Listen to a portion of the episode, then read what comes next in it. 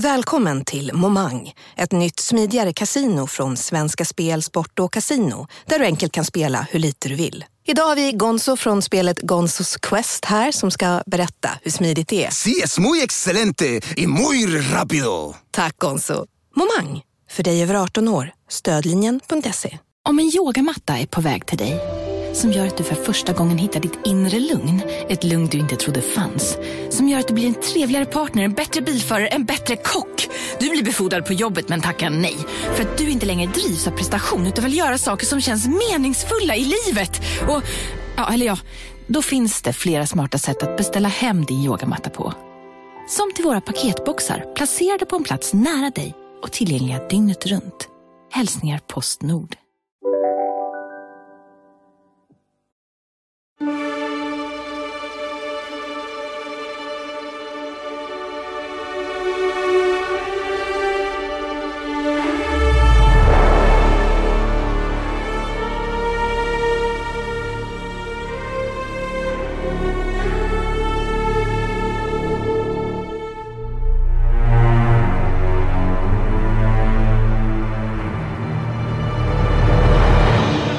För dyra pengar forma ett topplag, ja för det krävs ingen speciell kompetens menar Stig Nilsson. Egenproduktion och inköp av billiga talangfulla luften, det är Halmstad-modellen. Sen hade ju eh, klubben format en ny policy och det var att vi inte själva skulle gå in i den här allmänna köpkarusellen utan istället själv producera och bygga upp och inte bygga på en gammal Det skuldbörda. är klart. Och det känns naturligtvis väldigt skönt. Det är en av de riktigt stora ledarna i svensk fotboll. Det är klart, nu börjar Tom Prahl tacka bänken också. Det är helt klart nu. Där dessutom kommer Bertilsson i bra läge. I mitten har han Fredrik Gustafsson. Han spelar till Gustafsson som får göra mål och får sätta punkt på det här och då är Halmstadbänken inne på planen. Ni ser det själva. Halmstad bollklubb är definitivt svenska mästare i fotboll år 2000.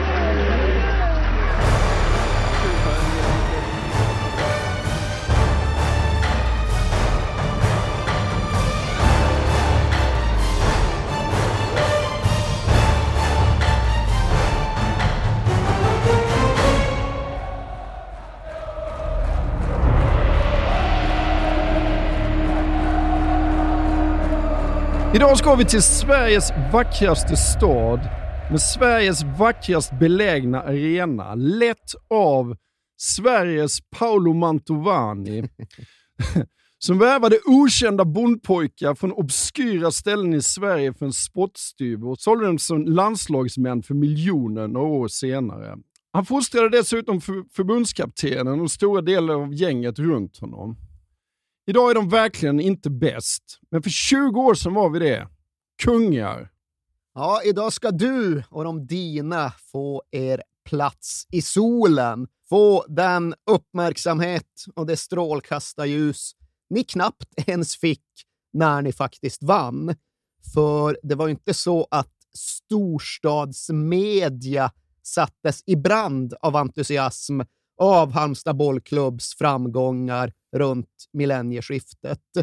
Jag noterade det att alldeles innan guldet 1997 skulle bärgas så gjorde en av kvällstidningarna en av de här klassiska gallupundersökningarna som vi sen kommer att återanvända i anslutning till diverse Isvestia-turneringar då Tre Kronor inte hade några NHL-förstärkningar. Rätt och slätt, det var en sida med porträttfoton på alla berörda spelare och så var det frågan, hur många av de här känner du egentligen igen? Och när Tre Kronor åkte för att spela i Svestia 1997, då kände man inte igen en kotte. Nej. Och uppriktigt sagt, när Halmstads bollklubb skulle säkra SM-guldet 1997, ja då var det inte särskilt många som kände igen särskilt många. Liksom de bärande spelarna, nyckelspelarna, Hacke Andersson, Fidde Andersson, Micke Gustavsson, Torbjörn Arvidsson. Det är ju inte en människa utanför Halland som skulle plocka ut dem i en vittneskonfrontation. Nej. Ingen har en aning om hur de ser ut eller vilka de är. Och Det är väl på ett sätt begripligt, för det var ju inga upphöjda spelare som vann det här guldet. Några skulle bli det senare, men när framgången kom så fanns det inte en enda A-landslagsman i Halmstad. Och inte fanns det så värst många storvärvningar heller, utan det var ju så gott som uteslutande egna produkter och doldisar värvade från lägre divisioner. I det här första guldlaget under den här eran, ja, då hade vi Mats Liljenberg som faktiskt var värvad från en allsvensk klubb. Och så hade vi Artim Shakiri som de hade grävt upp när de var nere i Makedonien och mötte Vardar Skopje i Uefa-cupen. Men vid sidan av dessa två supervärvningar, ja då var det ju killar som hade plockats från Lilla Kärby och Gullbrandstorp och Getinge och Vinberg och Vessingebro och sådana där ställen som jag inte har en aning om vad det är för något, men som jag förutsätter att du har koll på. Ljuv musik i mina öron måste jag säga, när jag får höra det här igen. Ja. Men det var ju bokstavligt talat de sista amatörerna som vann ett sista SM-guld. För okej, okay, det var några som jobbade vid sidan när Kalmar FF vann guld 2008 också. Men det laget bestod ju till hälften, lätt överdrivet, av importerade brassar. I Halmstad bollklubb 1997, då fanns det inget heltidsproffs, utan alla hade sidosysslor. Och det var ju Håkan Svensson som var chaufför på Hyltebruks transport. Torbjörn Arvidsson som också var chaufför. Turbo Svensson elektriker. Micke Gustafsson snickare. Mats Liljenberg, han stod i en sportfiskebutik och krängde jigg samtidigt som han vräkte in mål för HBK. Och även om det här 97-guldet kanske inte var efterfrågat i det svenska folkhemmet, så var det ändå för många efterlängtat. För vi kan tycka att Malmö FF har en särställning inom den svenska fotbollen idag med alla miljoner från Europaspelet. Alltså testa den allsvenska fotbollen in i mitten av 1990-talet och kolla hur IFK Göteborg stod sig då. Så här långt in på årtiondet hade ju Blåvitt tagit sex av sju SM-guld. Ja. De hade ju miljoners miljoner på banken där alla andra hade noll och inget. Och därtill fanns det ju en tendens som tycktes mer eller mindre omöjlig att vända, som innebar att alla guld gick till storstäderna. IFK Norrköping hade liksom stuckit emellan och vunnit ett SM-guld 1989, men vad då Norrköping är stort. Och på bägge sidor om den triumfen, ja då var det Göteborg, Malmö och Stockholm vid samtliga tillfällen sedan 1981. Och medan storstadsklubbarna då staplat guld på hög, ja då hade HBK åkt ur allsvenskan. Ni var ju ur i början av 1990-talet. Och visst, sen kom ni tillbaka, men några förutsättningar fanns ju inte. Jag tror att IFK Göteborgs omsättning var sju, nästan åtta gånger så stor som Halmstad bollklubb. Mm. Och några pengar hade rätt och slätt inte HBK. Det de var, det ni var, det var ju en elitklubb med småklubbsanda. Sägningen som populariserades av klubbens största profil och viktigaste man. Och I samband med den där kartläggningen av det anonyma HBK, då fick även lagkaptenen Hacke Andersson frågan, men vem tror du är mest känd i det här gänget? Och Hacke Andersson hade inte riktigt något bra svar, för det fanns inget bra svar. Och till sist pressade han fram, ja, det är svårt, men Stig Nilsson ja. kanske. Och så var det väl. Så borde det i alla fall vara, för Stig Nilsson var föreningens centralfigur. Den svenska folkrörelsefotbollens sista riddare. Eller om inte annat i alla fall den sista klubbledaren av ett särskilt snitt. För ja, du gillar dina medelhavsgubbar mm. och de ska vara tjocka och de ska röka cigarrer och de ska vara korrupta så inåt helvete. Nej, men nu jämförde jag faktiskt med Paolo Mantovani och han var ju inte riktigt sån. Och det fanns flera jämförelser där som jag tycker faktiskt håller lite grann. Jag tycker väl framför allt att det är rättvist att ställa Stig Nilsson sist i det här ledet av svenska klubbledare från 1900-talets andra halva. För blott Sverige svenska pampar har och våra pampar, våra klubbchefer, de var ju någon märklig kombination av rätt pösiga patriarker men med någon typ av materialförvaltarmentalitet. ja. Det var ju inga liksom uppburna män som satt i något elfenbenstorn och tittade ner över sina undersåtar. Utan visst, de hade säkert stundtals en rätt uppblåst självbild, men de var ju ändå på golvet, vid gräsrötterna, i materialrummet. Och det här var ju en lång rad män, enbart män, som i hög utsträckning dominerade den andra halvan av 1900-talet. Och det var ju såklart hövdingen Persson i Malmö och Stig Svensson i Öster, Nalle Halldén i Norrköping och för den delen de i lite mindre föreningar, Gunnar Persson i Trelleborg, Bertil Kristiansson i Frölunda och kanske Gunnar Eriksson i Åtvid. Det är ju i den traditionen som Stig Nilsson bör sorteras in. Och det var den traditionen han på något sätt faktiskt ja, man avslutade och stängde.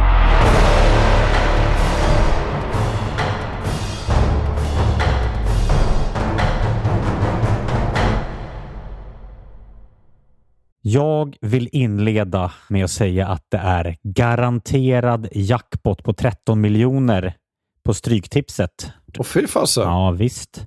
Skulle du behöva 13 miljoner eller? Ja, det skulle jag verkligen. Men vi måste säga först att vi är ju sponsrade av Stryktipset.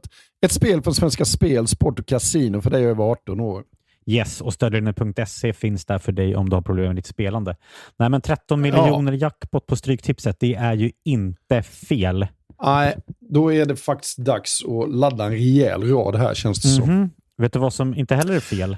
Nej. Födelsedagsfirandet och alla härliga mm. historier vi får in. Exakt, mm. för vi är ju mitt inne i Stryktipsets 90-årsfirande som vi firar med att läsa upp fantastiska historier från våra lyssnare yes. som skickar in dem till kings at perfectdaymedia.se. Precis, bomba på nu. Det är åtta månader kvar på det här firandet, så att, uh, vi kör nu. Mycket Stryktipshistorier vill vi ha mm. och i dagens har vi fått från Peter som skriver så här.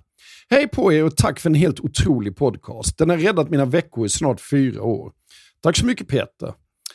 Min historia är ganska färsk, men den om när det vände på stopptid gav kanske inte de största pengarna, men känslan i mig består. Jag spelar ofta för lite mindre pengar på Stryket, följer fotbollen men långt ifrån en nörd. Och allt såg väldigt bra ut senast, förutom på min etta på Manchester United mot Brentford. Mm -hmm. Var ändå väldigt, eh, var ändå väldigt nöjd med hur resten satt. Men på stopptid satte min nya favoritspelare, skotten McTominay, två mål och vändningen fullbordades. 64 rader blev 12 000 kronor. Tack för en bra podd. Det är podd. otroligt. Ja. Tack för en bra historia Peter. Ja, och som man älskar Scott McTominay. Gör man inte det? Ja, det gör man faktiskt. Han liksom kommer in i straffområdet jävligt bra faktiskt. Mm. Vi säger stort tack till våra vänner på Stryktipset. Tack.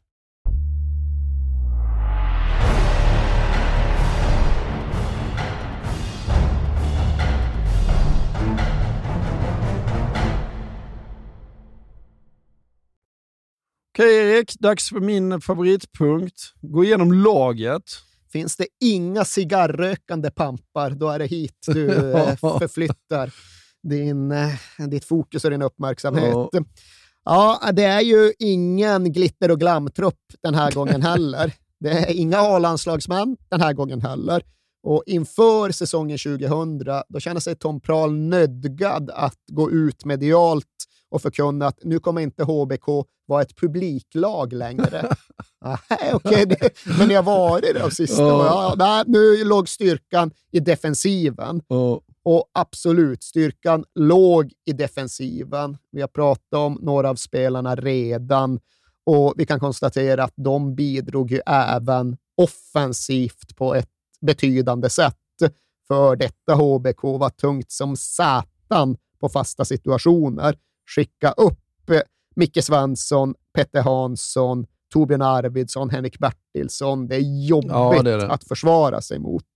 Men om vi sen tittar på själva spelmodellen, ja, då var det ju inga större förändringar. Då var det samma Tom Prahl-fotboll, utan skillnaden var väl just vilka spelartyper han hade fått tillgång till, framförallt längre bak i planen.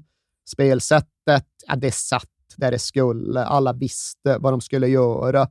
Det fanns ett papper med 15 olika principer för både anfall och försvarsspel som fanns uppklistrade på varje spelares skåp i omklädningsrummet och som satt där hela säsongen för att verkligen gnugga in de grundprinciper som gällde.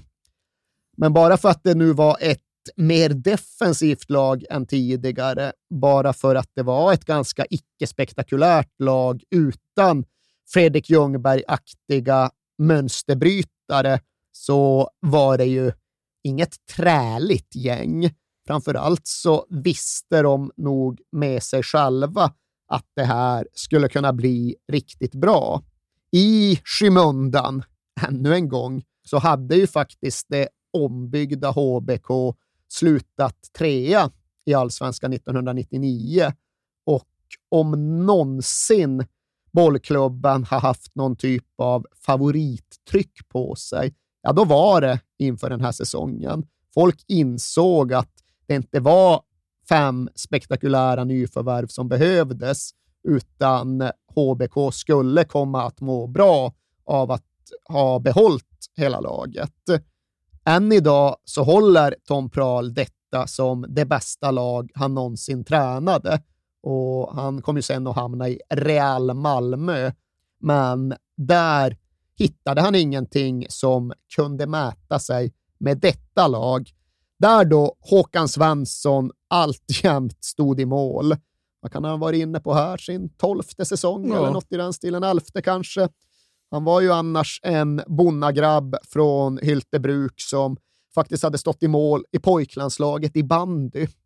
För svensken i gemen så var han ju lite illvilligt mest bekant som tvålhanden som hade tappat in fyra bollar i Vigo i den där allra första Tommy Söderberg-landskampen. Och det vet jag att Håkan Svensson har pratat om, att det var en stämpel som han tyckte var rätt jobbig och som tog flera år att tvätta bort. Och det var väl den här säsongen som skulle komma att tvätta bort den, för han gör ett jättefint år. Han har en period då han håller nollan i 807 minuter i sträck och det förklaras ju inte bara av att han hade en formidabelt stark fyrbackslinje framför sig. Men en formidabelt stark fyrbackslinje framför sig, det hade han. Det är fortfarande samma ytterbackar som det var 1997. Håkan Svensson stod kvar i målet. Ytterbackarna gnuggade vidare, men de hade faktiskt bytt kant. Kapten Fidde Andersson, han hade gått från att vara vänsterback till att vara högerback. Ja, för han var tvåfotad. Jag mötte honom väldigt många gånger i min ungdom. Ja, vi var, han spelade i Halmstad, jag spelade i Östrio. Vi var aldrig en enda gång under alla dessa möten närheten att ta en enda poäng av dem. Och det var han som drev det laget. Nej, eller? men han var inte så eh, fantastisk. Liksom. Han var ju duktig, men var, det, det var ju liksom ingen stjärna på det viset. Nej, Men, och på så sätt en väldigt bra representant för detta HBK. Ja. Det är ju som sagt, ta den där vittneskonfrontationen, den där sidan med porträttfoton och så lägger du in en bild på kapten Fidde Andersson. Ja. Det är inte någon fotbollsintresserad svensk som inte håller på HBK som skulle ha någon chans Nej. att peka ut honom. nej, För han förblev ju HBK trogen egentligen i alla år. ja. Han, han hade varit i A-truppen sedan 1988, så det här blev väl hans trettonde säsong eller Ja. något i den stilen. Ruggigt gedigen och pålitlig. Ja, och formulerade klubbens etos genom att säga att vi i HBK är fostrade till att hålla käften och spela fotboll. Ja. Hans mamma var tydligen även husmor på Örjansvall. Just Det det. var hon som stod där och lagade och det serverade. var, ja, just Du är det. bekant med henne. Nej, men nu när du säger det så, så var det ju. Ja. Och det var väl lite småkul. Det som jag tyckte var ännu roligare, det var att jag insåg att eh, Fidde Anderssons morfar, alltså husmors pappa, han var oerhört fotbollsintresserad. men han såg aldrig Fredrik Andersson spela en enda match, för han var halmian. Ja. Och då går man tydligen inte och tittar på dottersonen i HBK på Örjansvall. Så säsong efter säsong efter säsong i ett HBK som vann guld på guld och morfar går inte dit en enda gång. Det är helt för han gillar. Halmia. Ja, fan. Det är han och Per Gessle. Ja. Men Fidde Andersson, numera på högerbacken, numera på vänsterbacken överflyttad Micke Gustavsson. Och det är väl även där liksom, han gjorde ändå några A-landskamper och det var inte bara januariturné. Jag vet att han var med i någon träningsmatch mot Tunisien så sent som 2003. Det var liksom han och Zlatan, Kim Källström, ändå bra spelare. Ja. Men hitta någon som kan peka ut Mikael Gustafsson på en bild och du får det ännu svårare Ja. tror jag. Ja. Han var, ju, han var ju utlandsproffs också, var i Danmark och studsade. Men idag går han ju dessutom ännu mer under radarn i och med att han inte heter Mikael Gustafsson Nej, längre. Bytt namn till Rosén. Ja. Men ja, där var han på vänsterbacken. Kom från Motala, blev kvar på ytterbacken i Halmstad år efter år. Ja. Innanför dessa trotjänare då, två någorlunda nya, två av de här anonyma men ändå handplockade värvningarna som gjordes på andra sidan guldet 97. Tommy Jönsson kom in tidigt och Tommy Jönsson kom ju med någon typ av stamtavla för att han ändå tillhörde Malmö FF. Ja. Sen var det ju mest bänken i Malmö FF, men okej, han hade ändå varit i en större klubbmiljö, men aldrig riktigt fått chansen där. Framförallt inte fått någon ärlig chans på sin riktiga position. För MFF envisades med att testa honom som någon typ av ytterback, medan HBK ju värvade honom för att spela mittback. Och där gick det jättebra. Ja. Janne Andersson, vår förbundskapten, tillhör de som älskar Tommy Jönsson och han förklarar Jönssons storhet genom att hänvisa till hans spelförståelse. Han förutsåg allt och dödade ytor som gjorde att det blev lugn och ro runt omkring honom som spelare, betygsätter Janne Andersson. Och är det något Janne Andersson gillar runt sina mittbackar så är det lugn och ro. Inte lika mycket lugn och ro runt då Micke Svensson, den andra mittbacken, och väl Halmstads bästa spelare det här året. Ja. Och vi vet ju att väldigt många där ute som lyssnar på detta får upp en och samma association i huvudet när vi börjar prata om Micke Svensson. Då måste de tvångsmässigt skjuta in och tillbaka. Ah, mördaren! Ja. Och vi vet ju varför det var så. Det var för att han kom från Värnamo och hoppade in på sin första HBK-träning och sparkade på allt som rörde sig, i synnerhet Mats Liljenberg, och var fullständigt ovårdad och opolerad och fick då smeknamnet Mördan av lagkamraterna innan han ens hade hunnit in i omklädningsrummet. Men första träningen ska han tydligen haft en närkamp med Torbjörn Arvidsson som var så hård att eh, Tom Prahl alltid satte dem i samma lag på träningen. Ja, det var så? han- Ja, Vem vann den? Nej, det small så jävligt så att det var, det var bara glad att ingen bröt benet. Liksom. ja, men fullständigt orädd spelare, helt kompromisslös spelare, en oerhört rejäl mittback som ja, då fick lov att heta Mördan lite halvt mot sin vilja i ganska många år. Men sen blev det ju helt mot hans uttryckliga vilja, för han gick ju mot slutet av sin karriär, då han var A-landslagsman, ut och verkligen bad om, uppmanade till att sluta använda det smeknamnet. För då hade det varit frågan om att en anhörig till en eldsjäl i hans moderklubb Skillingaryd hade strypts till döds av sin pojkvän.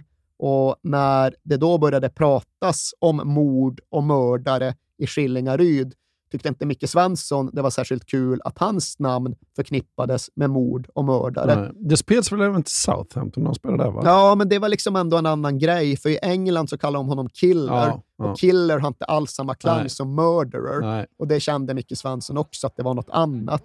Men med vetskap om denna bakgrund så kommer vi aldrig säga ordet mördaren igen i anslutning till den här fantastiska mittbacken. Utan det är Micke Svensson från och med nu och det uppmanar vi såklart alla som lyssnar också att åtlyda. Dotter to take this. Michael Svensson! It's two!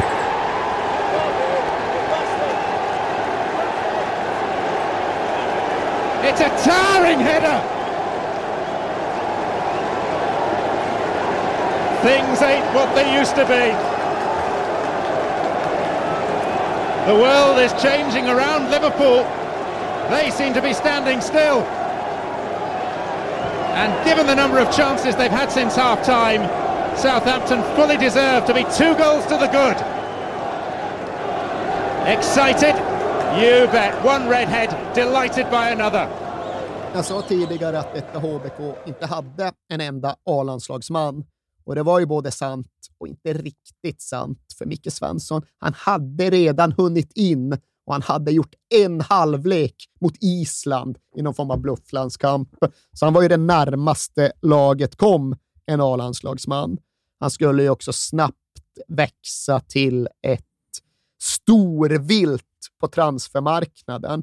Wolfsburg var inne och drog i honom tidigt det här året och Stig Nilsson gjorde ett men halvt seriöst försök att aktivt placera honom i Arsenal. Mm. Och Stig Nilsson han tyckte det hade gått bra att förhandla med Arsenal. Han tittade en del på Arsenal eftersom att Fredrik spelade där och han kände väl lite när han funderade att de skulle ju faktiskt behöva en mittback. Ja. Den där Adams, han börjar se gammal ja. ut. Han behöver ersättas, tyckte Stig Nilsson och kunde inte se någon annan logisk lösning än att Micke Svensson gick in där. Nu blev det inte så, men som sagt, allsvenskans i särklass bästa försvarsspelare år 2000, enligt Tom Prahl. Kanske det, i alla fall HBKs bästa spelare i våra ögon. Ja.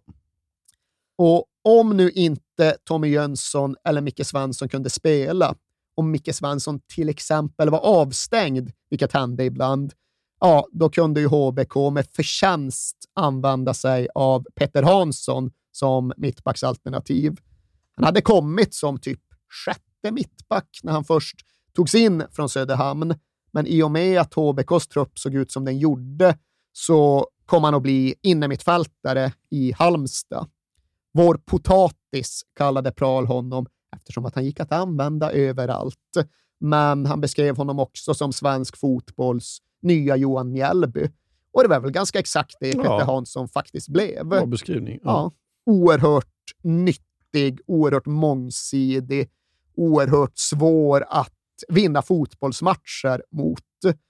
Och i början av säsongen så utgjordes då HBKs innermittfält av Petter Hansson, och den likaledes då stenhårda Torbjörn Arvidsson, mm. som också hade varit där i all evinnerlighet och som alltid gav allt och var resolut bestämd och kompromisslös. Allsvenskans mest underskattade spelare enligt Stig Nilsson, men det här året tappade han ju faktiskt startplatsen en bit in på säsongen och HBK kom istället att använda den väldigt anonyma Fredrik Gustavsson från Öster i rätt hög utsträckning. Och Fredrik Gustavsson, ja, men han var också en gnuggare. Skulle de ha in någon kreativitet och någon bollskicklighet på innermitt, ja, då var det väl din kompis Peter Lennartsson ja. som kom in som kreativt alternativ. Jag snackade med honom inför det här avsnittet och sa men alltså att det var ju du, Torbjörn Arvidsson, Håkan Svensson och Fidde, ni, ni vann. Ni var ju med i hela den här framgångsvågen. Ja, sa han. Det var vi som inte blev proffs. ja, så kan man också ja. se på saken. Ja. Och Lennartsson var väl uppriktigt sagt kanske den mest anonyma av hela, i hela den här anonyma kärnan. 97 var han väl skadad väldigt mycket ja. och 2000 var han halvt ordinarie. Ja. Han gjorde en del nytta, absolut. Ja. Han var då framförallt en annan typ än de andra mittfältsspelarna. Ja. Sen kan jag väl titta på truppen och känna att in i säsongen ah, lite smårackliga yttrar. Man ser på alla så här försäsongsguider, hur ska Halmstad ställa upp? Ja, då var ju de allra flesta inne på att ja, det blir 4-4-2 och så har vi Stefan Wennberg och Björn Karlsson på yttrarna. Ja. Och det kändes väl kanske inte som några guldspelare. Jag gillar ju för Stefan Wennberg, tyckte alltid han var underskattad. Björn Karlsson har jag ingen starkare känsla för Nej. alls. Gjorde inget avtryck på mig. Men som sagt, på förhand inga guldyttrar i bakvattnet fanns den svårmanövrerade, svårbemästrade Jeffrey Aubyn som alternativ. Men han hade ju då kommit till HBK som en del av den här Champions League-satsningen 98 och sen aldrig tagit en tröja. Nej. Han hade ju varit där i ja, men två, två och ett halvt år utan att Pral hade satsat på honom som ordinarie under någon enda period. Så han kändes ju mer eller mindre kasserad och borträknad ja. in i den här säsongen. Utan det många misstänkte, det många kanske hoppades på och det som sen även kom att hända, det var ju att Pral drog ner Stefan Selakovic på yttern ja. snarare än att spela i anfallet. För i anfallet fanns beprövade målskyttar.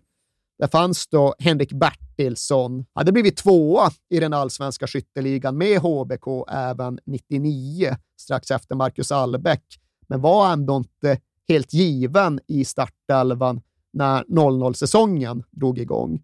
För där fanns ju faktiskt återvändaren Robert Andersson. Och där funkade han ju. Där var han en väldigt pålitlig allsvensk målskytt av precis den typ som krävdes för att komplettera Henrik Bertilsson. En stor och stark, en liten och snabb. Sånt funkar i ett pralskt 4-4-2. Ja. Men trots dessa två så var det då Stefan Selakovic som skulle bli årets stora offensiva HBK-spelare. Och det var inte så självklart som man hade kunnat tro den där augustidagen 97 när han virvlade in ett hattrick på en knapp kvart mot Blåvitt. För därefter hade han ju haft det jättetungt. Ja. Det blev inte alls något avstamp eller något avtryck från Selakovic efter den där drömmatchen, utan han stod helt utanför A-lagsdiskussionen under flera månader 98 och när den säsongen var slut, då skulle han ha haft sitt utvecklings och utvärderingssamtal med Pral och Pral ska ha varit rätt hård, rak, tydlig. Han sa bara, ah, blir det inte bättre än så här? Kan du inte utvecklas mer?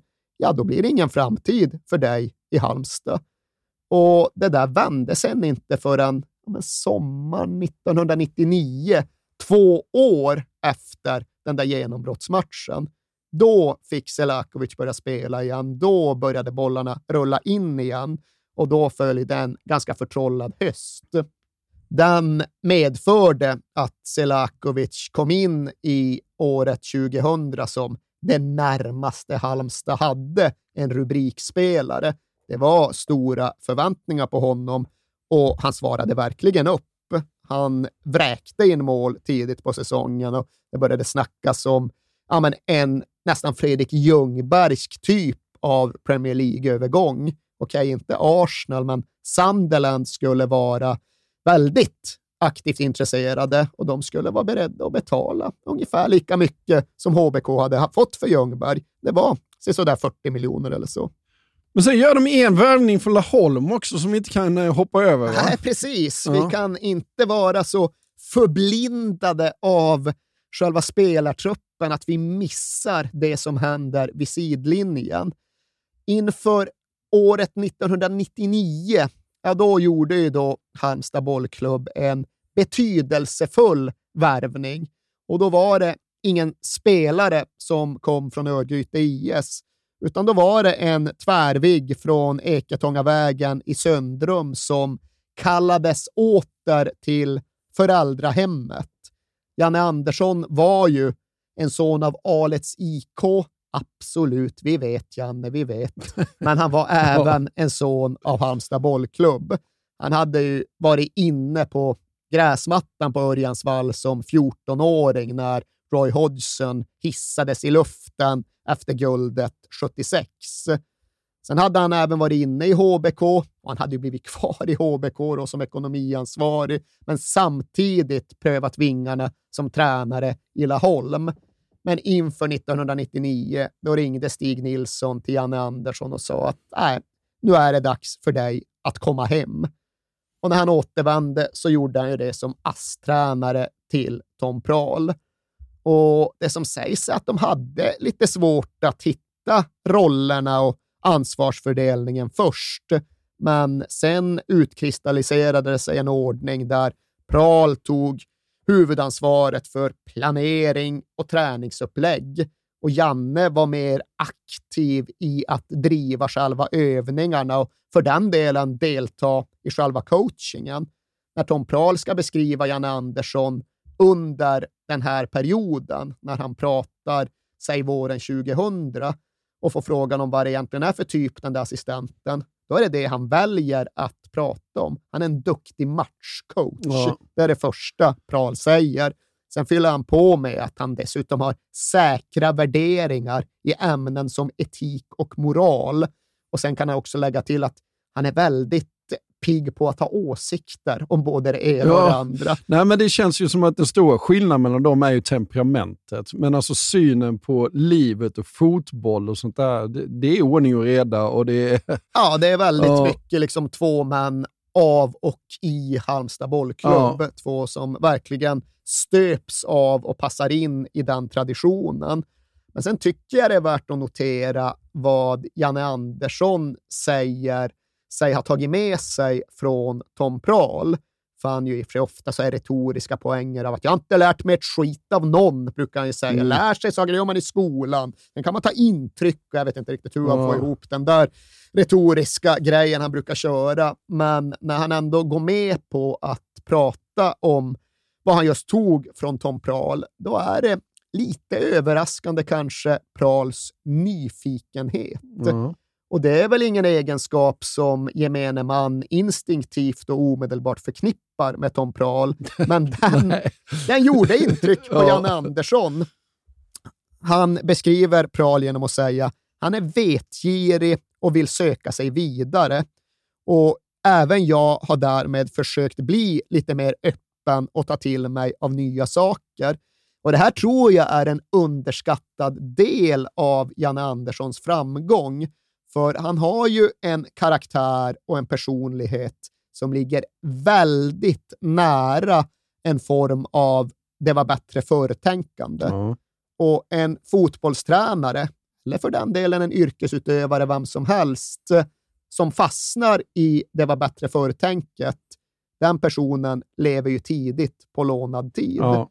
Och jag tror att ifall inte Jan Andersson hade lyckats låsa upp sin inre nyfikenhet vetgirighet och utvecklingslusta, då hade han varit på gränsen till irrelevant idag. Ja. Men hela skillnaden som gjorde att han liksom tog Norrköping till guld med en liksom ganska avancerad och modern framåtlutsfotboll, ja, det ligger i hans vilja att fortsätta utvecklas och hela hans förmåga att nu ta ett Zlatan-lätt svenskt landslag mot EM, den är någonstans också förbunden till hans vilja att tänka nytt, tänka om, revidera sånt han alltid tidigare har utgått ifrån.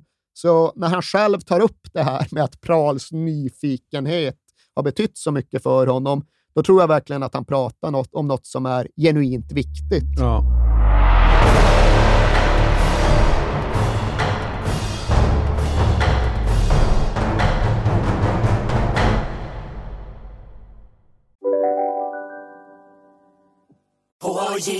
På Sveriges största jackpot-kasino går hypermiljonen på högvarv.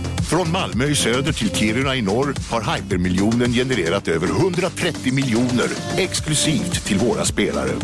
Välkommen in till Sveriges största jackpot-kasino, hyper.com. 18 plus, regler och villkor gäller. Välkommen till Unionen. Jo, jag undrar hur många semesterdagar jag har som projektanställd och vad gör jag om jag inte får något semestertillägg? Påverkar det inkomstförsäkringen? För jag har blivit varslad, till skillnad från min kollega som ofta kör teknik på möten och dessutom har högre lön trots samma tjänst. Vad gör jag nu? Okej, vi tar det från början. Jobbigt på jobbet. Som medlem i Unionen kan du alltid prata med våra rådgivare. Just nu till alla hemmafixare som gillar Julas låga priser. Ett borr och bitset i 70 delar för snurriga 249 kronor. Inget kan stoppa dig nu.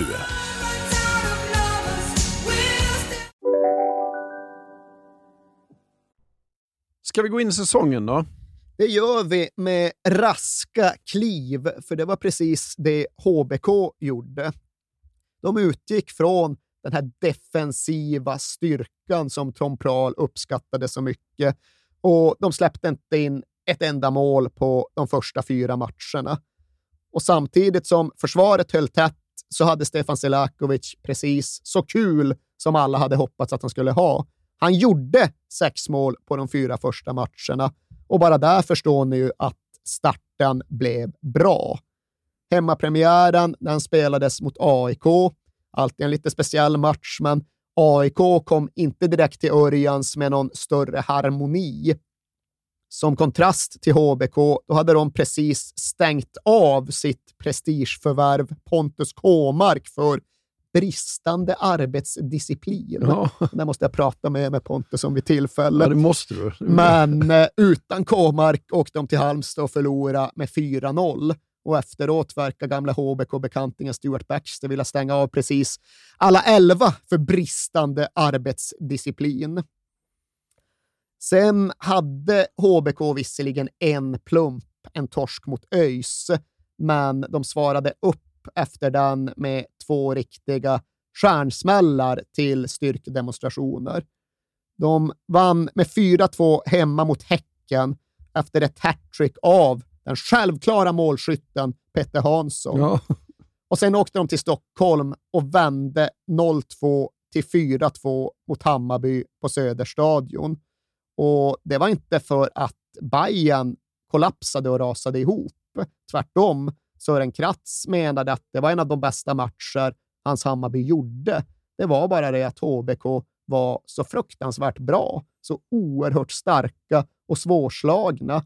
Och även om då Tom Prahl kände sig tvingad att gå ut och säga att det inte skulle bli någon vidare sprakande offensiv, så var de, i alla fall den här matchen, rätt jävla sevärda.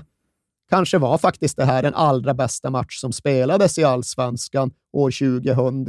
Det var så intensivt och händelserikt att Hammarbyklacken på Söderstadion på ett oerhört sällsynt sätt faktiskt glömde bort att skandera öka takten sista kvarten Tidaholm med 15 minuter kvar. Jaha. Det hände helt enkelt för mycket Ja. där nere på plan, så det försvann iväg i fotbollsfiestan. Men ah, ett riktig, en riktig jävla liksom, maktmarkering av Halmstad bollklubb och en match som fick Tom Prahl att spinna som den där solslickade katten han ibland ser ut som när han är riktigt belåten och liksom ögonen smalnar ihop. Som i springor, två där han myser. Ja.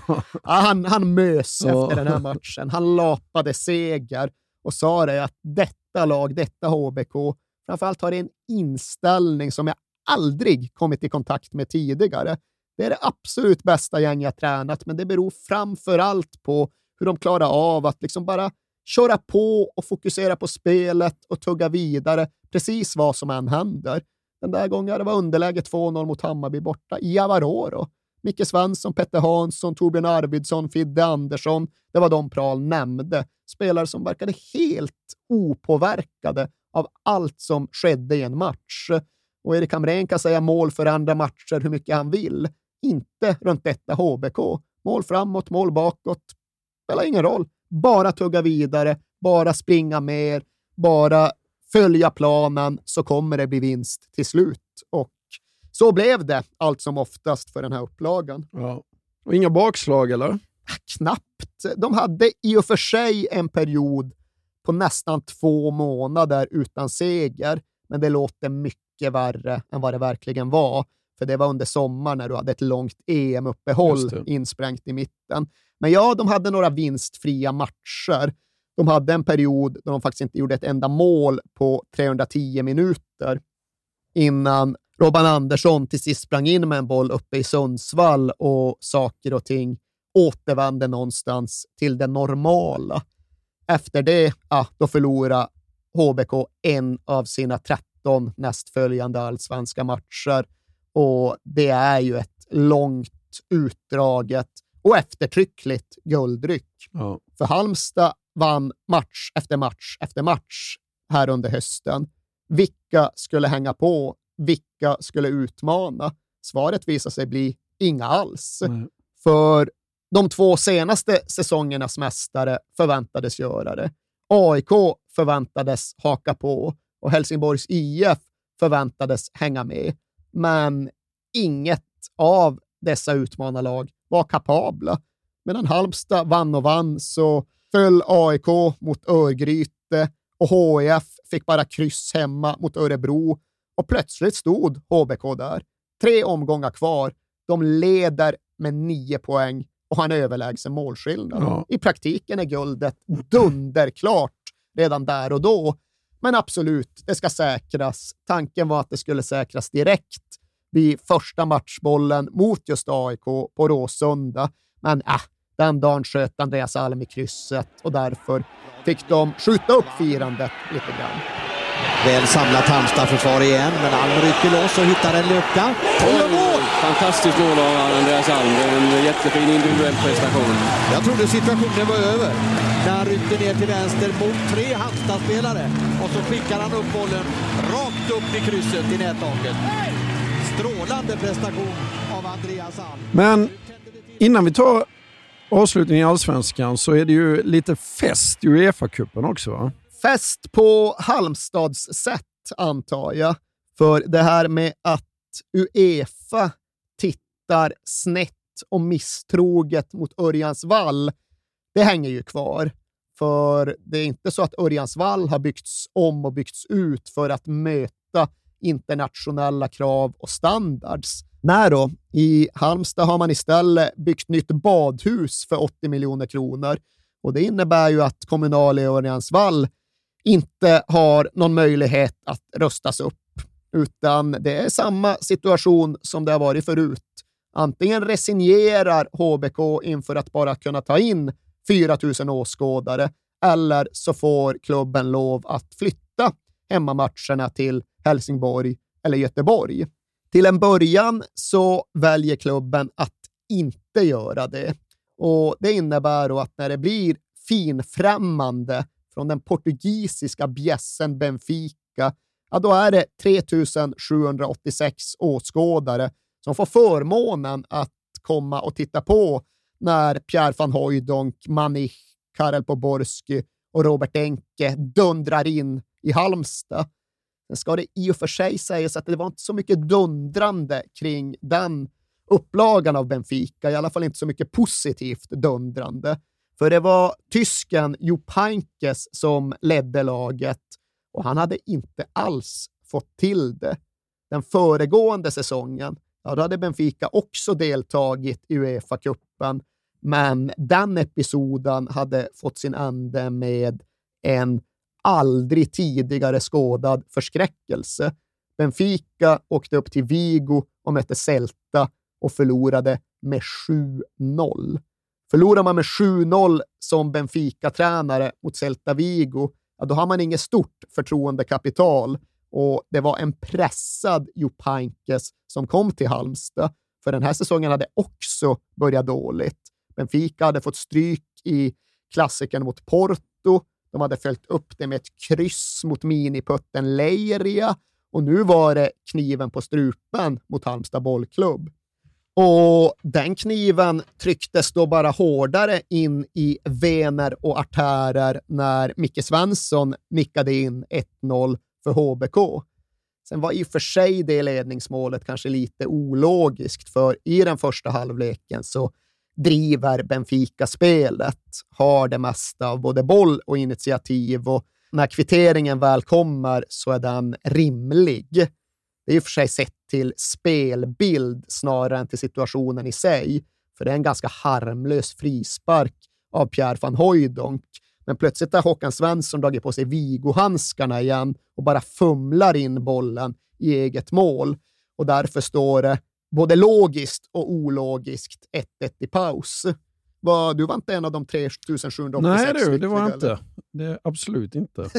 Varför säger du det med sånt stort Nej, för jag kommer, jag kommer knappt ihåg detta. Är det så? Ja, eh, det måste jag faktiskt erkänna. Det var först när jag började läsa på. Och när jag träffade Janne Andersson för några veckor sedan. Nej, det var verkligen Benfica han tryckte på då, eh, vad de gjorde mot dem. Liksom. Ja, och det går väl att begripa, för i den här första halvtidsvilan så är HBK lite missnöjda med den egna prestationen. Okej, det är 1-1 och det är väl inget att säga om, men lite väl mycket respekt för Benfica, lite väl mycket sjunka tillbaks i planen och vänta passivt. Äh, nu får vi skärpa till oss här. Nu får vi bevisa att vi är det där opåverkbara laget som bara tuggar på oavsett motstånd. Och precis just det lyckades Halmstad med i den andra halvleken. Selakovic gör 2-1, Halmstad vinner och hade det inte varit för Robert Enke i Benfica-målet, ja, då hade den där segern absolut kunnat vara större. Den borde väl ha varit större också, för 2-1 hemma mot Benfica, det är klart det är bra, men det lär ju inte räcka. Retur nere på gamla Lutz, ja, det, det låter tufft, det gör det ju. Ja, inte minst sen Benfica får en ny tränare också till returen, va? Ja, de eh, Halmstad borta förlust, det blir ju droppen som knäcker Jupp Pankes rygg. Nu blandar jag ordstäv här. Det är kamelens rygg knäcks inte av en droppe, men det må vara detsamma. Jupp Pankes får sparken som konsekvens av nederlaget på Örjans vall. Det är klart att inte Benfica ska åka ut mot HBK och det tror de inte själva heller kommer att ske. Det tror väl egentligen ingen, för då som nu så har ju svenska klubbar det väldigt svårt i Europa den här hösten. Okej, okay, HIF har gjort ett mindre San Siro-mirakel, slagit ut Inter och tagit sig till Champions League, men där blir de mest bara runtsvabbade mm. av sina gruppmotståndare och i Uefa-cupen ser det ännu sämre ut. AIK de åker ur mot Herfölge från Danmark. Norrköping åker ut mot Slovan Liberec från Tjeckien och ÖIS åker ut mot Rapid Wien. Det är bara HBK kvar som faktiskt kan göra någonting. Men Tom Prahl, Janne Andersson, alla de andra, de är ju medvetna om att det kommer bli svårt och Tom Prahl tar beslutet att ställa upp med en ovanligt defensiv och tillbakalutad elva. Det blir en ren 4-5-1 med Selakovic på en ytter och Henrik Bertilsson ensam på topp. Och till en början så verkar kanske det ha varit ett felval. Det kanske tycks vara så att HBK är på väg att förlora den taktiska duellen här. För när Pierre van Hooijdonk igen nickar in 1-0 till Benfica efter 25 minuter, ja, då är det dels inget att säga om och dels är det ju faktiskt också ett mål som räcker för Benfica. 1-0, okej, okay, ordningen återställd, nu är de vidare igen. Men den tanken hinner knappt ens sätta sig innan Halmstad bollklubb ruskar om den fullständigt. För det går bara fem minuter innan de plitar ihop ett fint jäkla anfall snyggt på jag. Ja, ja, geniet Stefan Wennberg ja. bevisar sitt värde ja. genom att trixa och trilla lite grann och hitta en vinkel till en löpande Selakovic som bryter in i straffområdet, spelar snett inåt bakåt. Och där kommer Fredrik Gustafsson ja. av alla bortglömda människor och trycker in en bredsida i närmsta. Och då är det 1-1. La proyección de Bemberg. Bemberg con la pelota. Uribe en la marca. Bemberg encara la marcación. Juega con Selakovic. Selakovic el centro atrás. El disparo. Gol, gol, gol, gol, gol, gol, gol, gol. Halmstad. Gustafsson aprovecha el centro atrás, libre de marca, llega ese número 6 y consigue el empate. Uno Benfica, uno el Halmstad. Och sen förblir ställningen 1-1 och detta trots att ja, det hade kunnat bli mål åt båda håll. Det är en böljande, ganska öppen match under återstoden av speltiden och Benfica har chanser, men HBK absolut också chanser. Jeffrey Aubyn ska ha nickat i ribban och det ska ha missats returer och slagits bort halvöppna mål, men HBK skapar sina chanser och HBK håller framför allt emot. Okej, okay, uppställningen är defensiv, men det är ett slit som krävs av alla spelare där ute. Kanske framför allt mittfältarna och kanske framför allt Torbjörn Arvidsson tillbaka i startelvan. Enligt Janne Andersson så städade han från sida till sida och efter sådär 65-70 minuter, ja, då är han helt slut. Då orkar han inte mer. Då signalerar han bara till bänken att han måste byta. Men i det läget då ska Tom Prahl bara säga till Janne Andersson att äh, Vi låtsas att vi inte hörde det där, för han är så bra idag. Och det där är något som jag är rätt säker på att Janne Andersson sen återutnyttjade i samband med sin kanske allra mest klassiska landskamp, playoffet Italien-Sverige nere på San Siro. För nu lyckas jag inte hitta den sägningen igen, men jag känner mig helt övertygad om att jag hört honom dra exakt samma typ av anekdot, fast då med de inblandade och scenen utbytt. Då ska det ha varit någon som skrek ut till honom på bänken att han behövde byta och Janne Andersson ska ha sagt till Peter Wettergren bara nej, nej, nej, det där hörde vi inte. Nej. Den här spelaren måste kriga vidare, för han är så bra.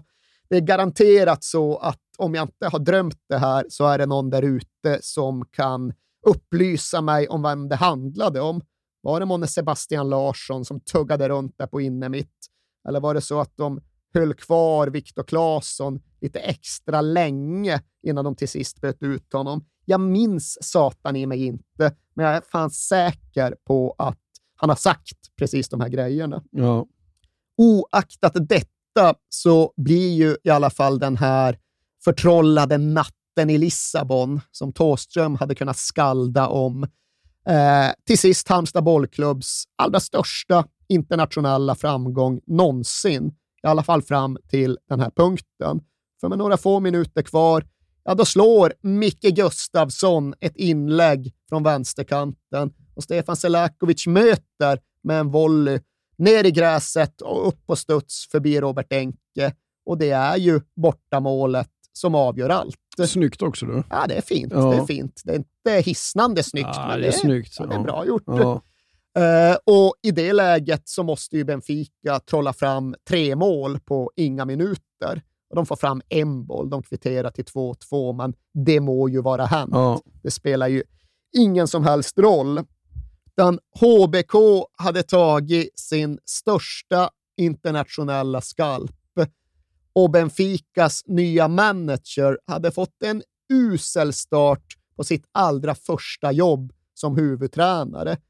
För efter att Joe Pankes hade åkt ut, ja, då hade ju han ersatts. Och den nya tränaren, han hade inlett med en förlust borta mot Boavista i ligan.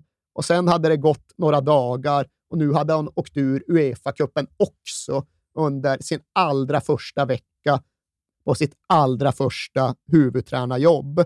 Och Tom Prahl kanske kände viss sympati med detta, men han var samtidigt också ganska provocerad av den där nya Benfica-tränaren.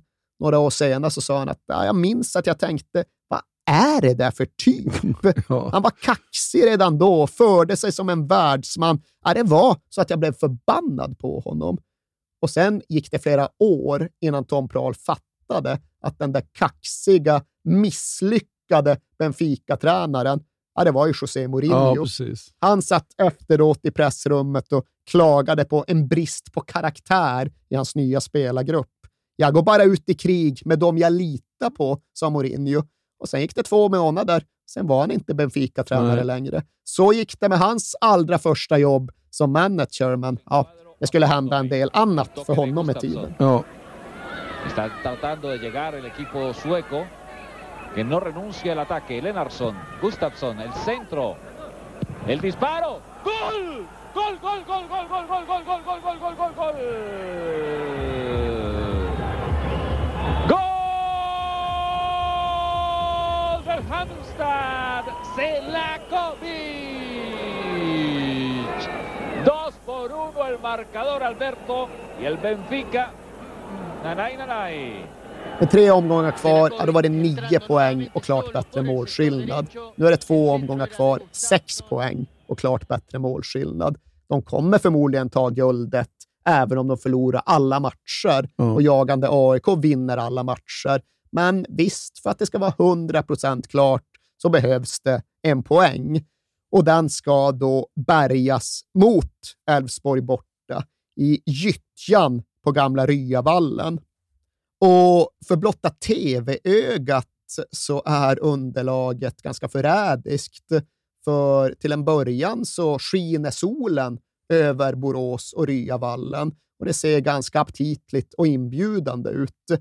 Men tydligen har det då regnat i en vecka före matchen och det ska börja regna igen innan matchen är slut. Så mattan är lerig, hal, svårspelad och Håkan Svensson framför allt verkar ju ha simfötter på sig för han sprider och sprayar bollar i precis alla riktningar under den första halvtimmen eller så.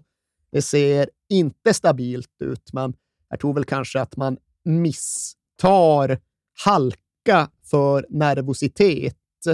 Och om inte annat så tar Håkan Svensson revansch både på matchupptakten och ja, egentligen hela karriären sen den där kvällen i Vigo när Elfsborg får en billig jäkla straff efter 30 minuter.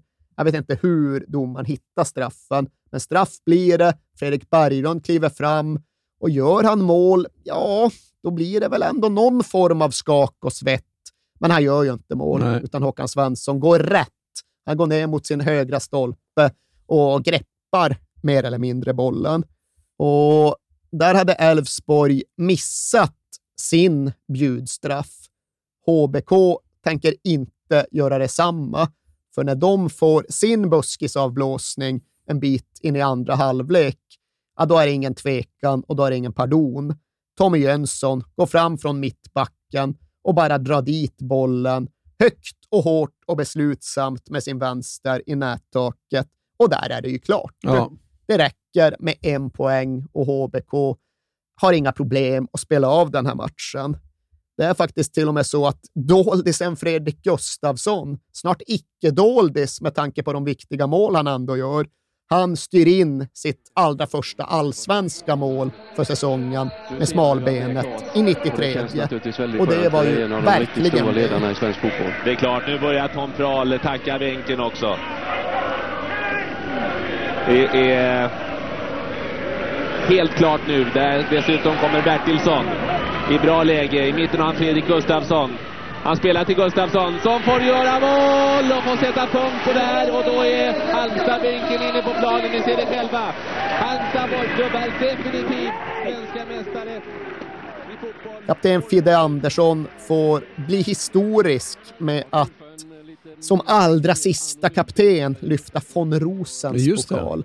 Den blir avskaffad efter den här säsongen när var väl Aftonbladet? Det var ja. Sportbladet avslöjade. Vårt största avslöjande. Hans gamla nazistsympatier ja. och eh, pokalen får växlas ut. Men nu är det den Fidde Andersson lyfter mot Borås-skyn och ett, än en gång, väldigt stillsamt jubel kan rama in guldet. Ja.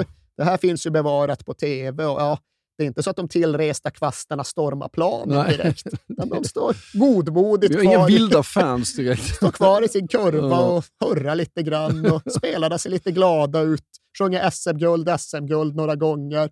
Går in i omklädningsrummet och jag tror hon kanske öppnar någon champagne först, men Kanal plus ligger ju kvar sen på översiktsbilder från omklädningsrummet. Och det går ju fem minuter och efter det då sitter de mest på och donar med sitt. Så liksom rensa dobbarna från lera, fixa lite med benskydden, packa trunkarna. Ja, det är ingen Gehenna-stämning i Borås, Nej. men visst, det ska bli bättre fest. För när de väl återvänder till Halmstad, då finns ju planen fastlagd. Då ska det bli Mårtenssons igen, för vinna SM-guld, det gör man inte varje dag. Det finns något symboliskt att precis som på 70-talet så vinner HBK två guld med just tre års mellanrum. Då var det 76 och 79. Nu är det 97 och 00. Och även om svensk press kanske inte bemödar sig med att göra så värst mycket mer än fyra sidor runt guldet, så blir det ändå någon form av internationell uppmärksamhet och uppskattning runt detta. Benfica till exempel, ja, de ser ju till att gratulera med ja. ett fax och det hedrar dem. Ja.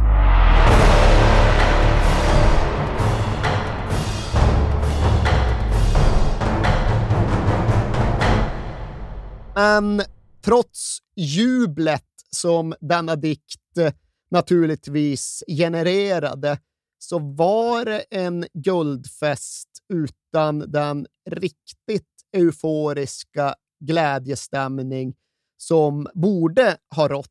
Och nu är jag mig inte lustig över de stillsamma halländska fotbollsmännen, inte alls, utan alla som skulle var på plats var ju inte på plats.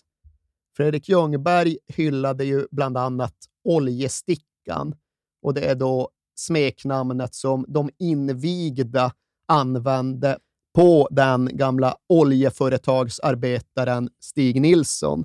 När det hade varit guldfest 1997, ja, då hängde Stig Nilsson i ja, ända fram till 03.30-tiden. Men den här gången så kom han tyvärr aldrig till Mårtenssons.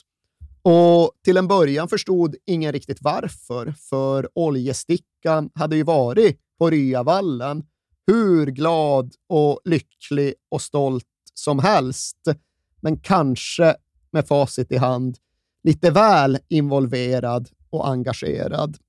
För som han i efterhand själv kom och berättade anspänningen blev för stor. Jag var nog stundtals helt väck, för delar av matchen minns jag bara som i ett töcken.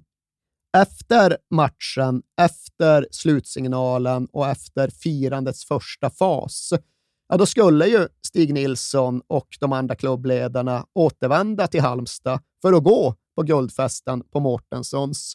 Men utanför Varberg så märker de andra i bilen hur Stig Nilsson plötsligt bara börjar skaka på ett otäckt och ganska obegripligt sätt.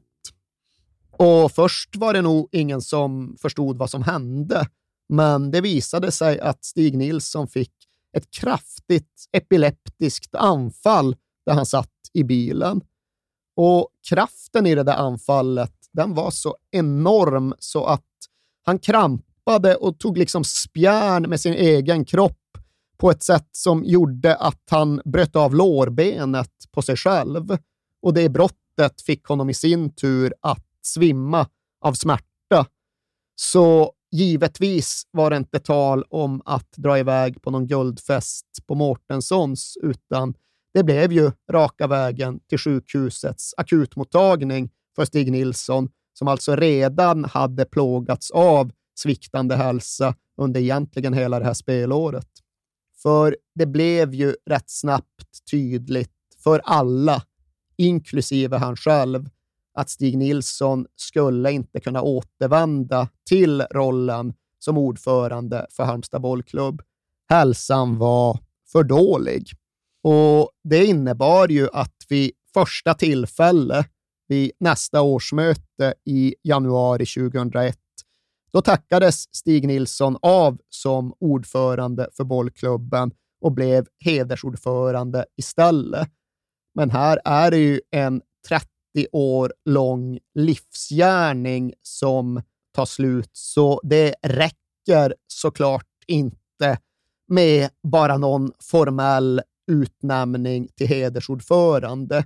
Det är självklart för alla institutioner att det här måste honoreras på fler sätt. Så idrottsrörelsen, jag vet inte om det är Riksidrottsförbundet eller vad det är, ser till att Stig Nilsson får prinsens plakett. Och det tror jag han sätter värde på. Men frågan är om han kanske inte satte ännu större värde på att få Halmstad stads hedersbevisning.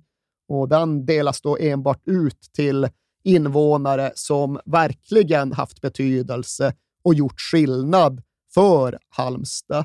Och jag tror att när Stig Nilsson fick den här bevisningen så var han bara den tredje personen eller något i den stilen som hade fått det. Och han finns ju tyvärr inte med oss längre, men i backspegeln så känns det verkligen rätt och riktigt att han klev åt sidan och tackades av när Halmstad bollklubb precis satt pricken över ja, sin största framgångsera någonsin. Ni har aldrig haft det så bra som ni hade under de här fyra åren med Tom Prahl, med Stig Nilsson, med ja, Fredrik Ljungberg och Janne Andersson för den delen också. För ni tar två guld och ni tar ytterligare två medaljer på fyra år. Ja. Helt otroligt när man ser på det idag. ja, verkligen med tanke på hur landskapet ändå höll på att förändras. Men trots detta så var det ju inte framgångarna som Stig Nilsson valde att prata om när han skulle summera och sammanfatta hela sin gärning, utan det var ju bollklubben, föreningslivet, människorna och samhällsnyttan. Och som sagt, många är vi som har beskrivit HBK som de sista mästarna i sitt slag. Och många är vi som har beskrivit Stig Nilsson som den sista ledaren i sitt slag. Men själv vill han ju inte riktigt ställa upp på det på sitt eget säregna och karaktäristiska sätt.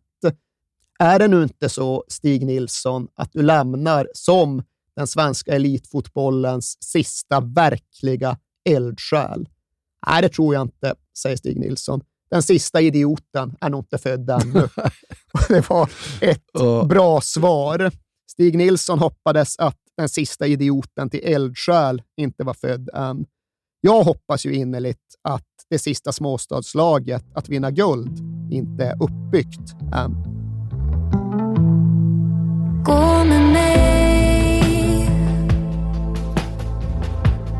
Bakom skuggor ser du solen.